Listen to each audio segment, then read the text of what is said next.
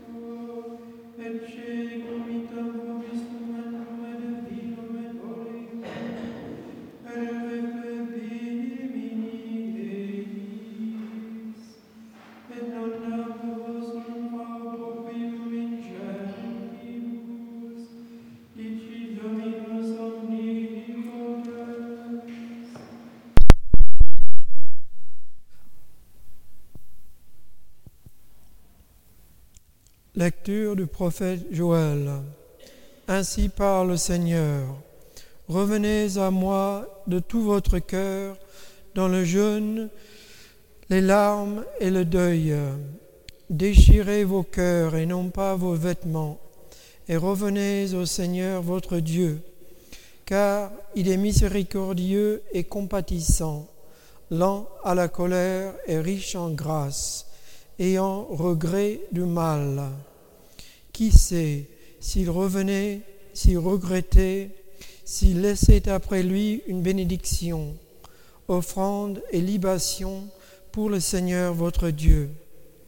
Sonnez de la trompette en Sion, prescrivez un jeûne saint, publiez une solennité, réunissez le peuple, prescrivez une assemblée sainte. Groupez les vieillards, réunissez enfants et nourrissons. Que le jeune époux sorte de son foyer, que l'épousée sorte de sa chambre. Entre le portique et l'autel, qu'ils pleurent, les prêtres, ministres du Seigneur, qui disent Épargne, Seigneur, épargne ton peuple ne livre pas ton héritage à la honte, aux railleries des nations. Pourquoi dirait-on chez les peuples, où est-il leur Dieu? Et le Seigneur s'est enflammé pour sa terre. Il a eu pitié de son peuple. Le Seigneur a répondu, il a dit à son peuple, Voici que je vous envoie le blé le vin nouveau et l'huile, vous en serez rassasiés. Et je ne vous livrerai plus à l'insulte parmi les nations. Parole du Seigneur Tout-Puissant.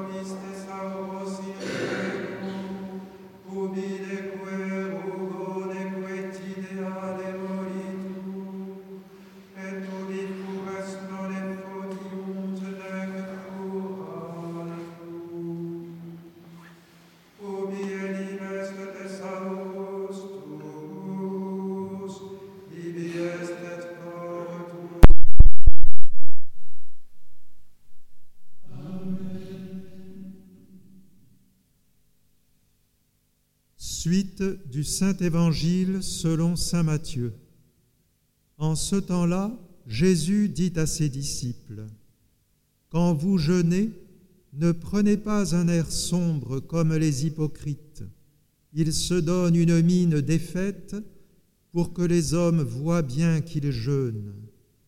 En vérité, je vous le dis, ils ont reçu leur récompense. Mais toi, quand tu jeûnes, Parfume-toi la tête et lave-toi le visage, pour que les hommes ne voient pas que tu jeûnes, mais seulement ton Père dans le secret. Et ton Père qui voit dans le secret te le rendra. Ne vous amassez pas de trésors sur la terre où la rouille et les vers détruisent, où les voleurs fracturent et emportent. Amassez-vous des trésors dans le ciel où il n'y a ni rouille, ni vers qui détruisent, ni voleurs qui fracturent et emportent. Là où est ton trésor, là aussi est ton cœur.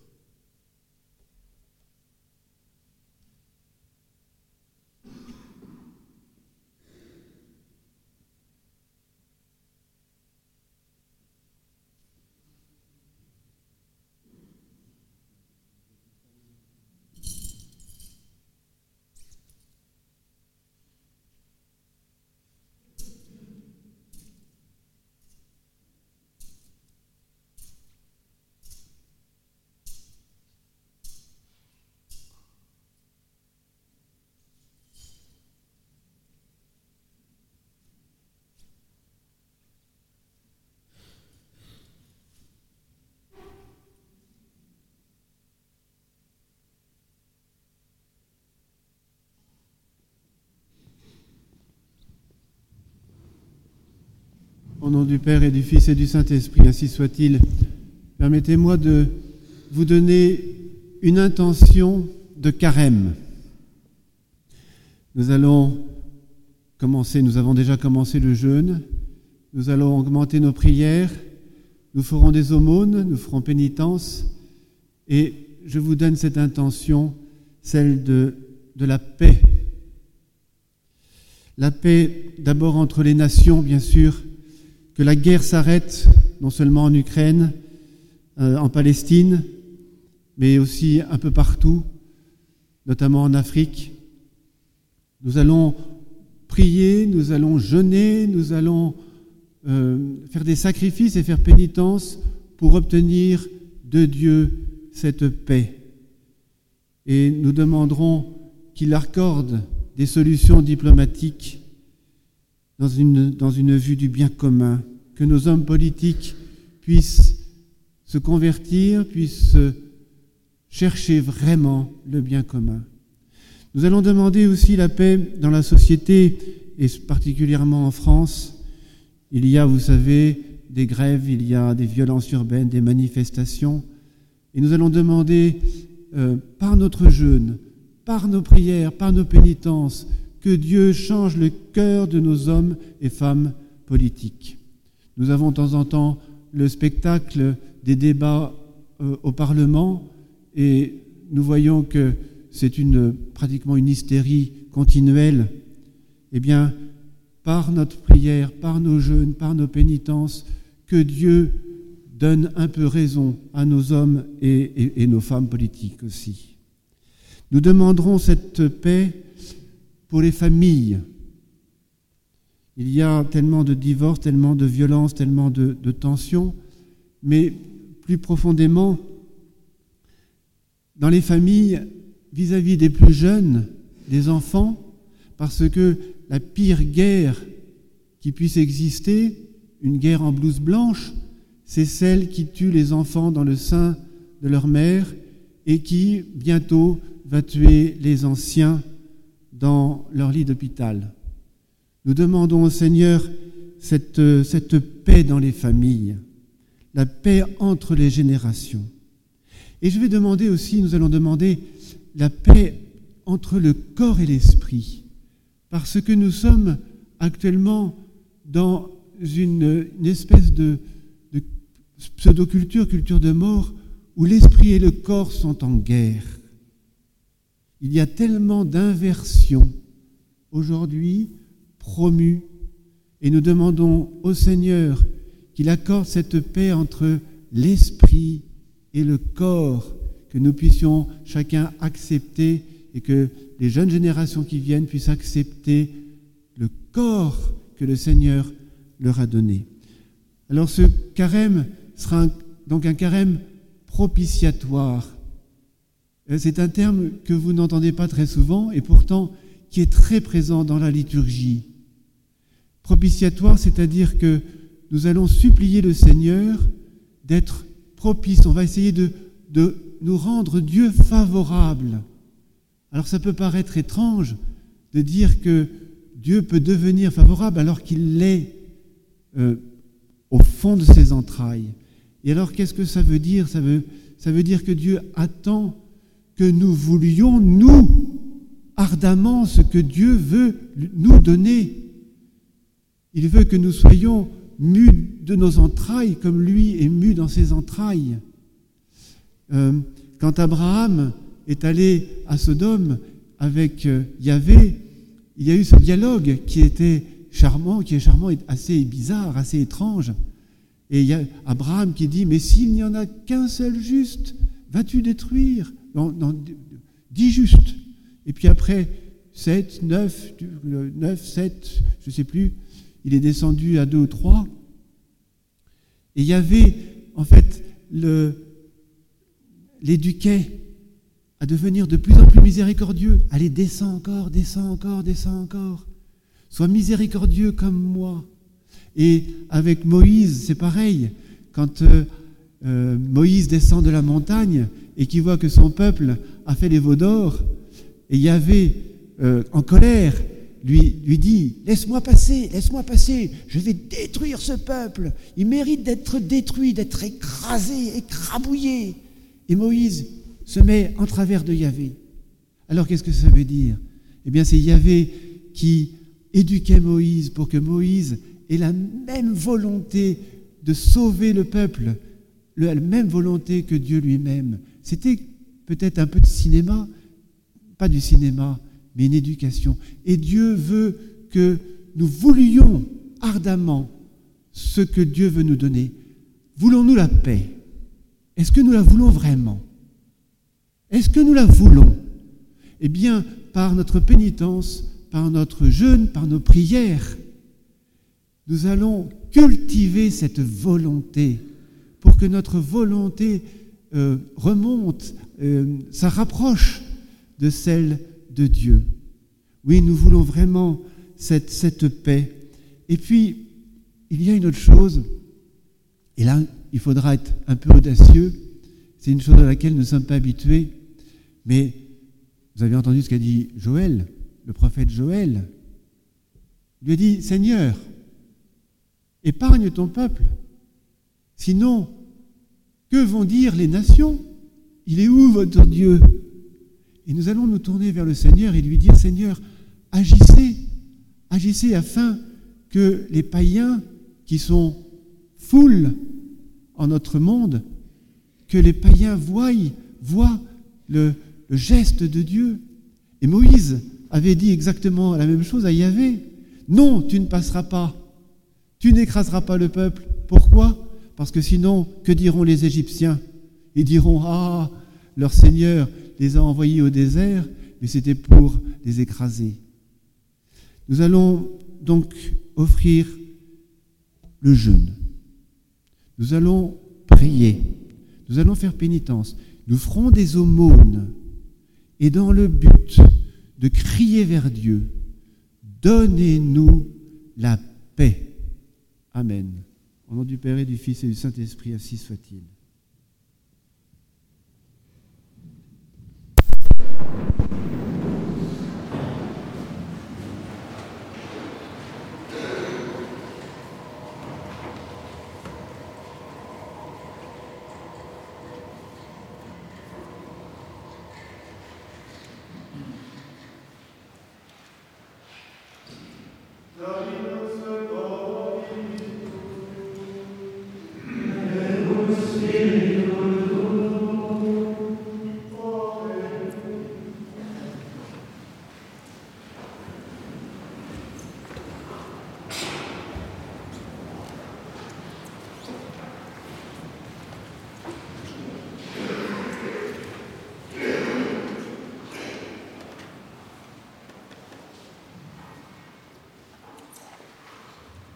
Listen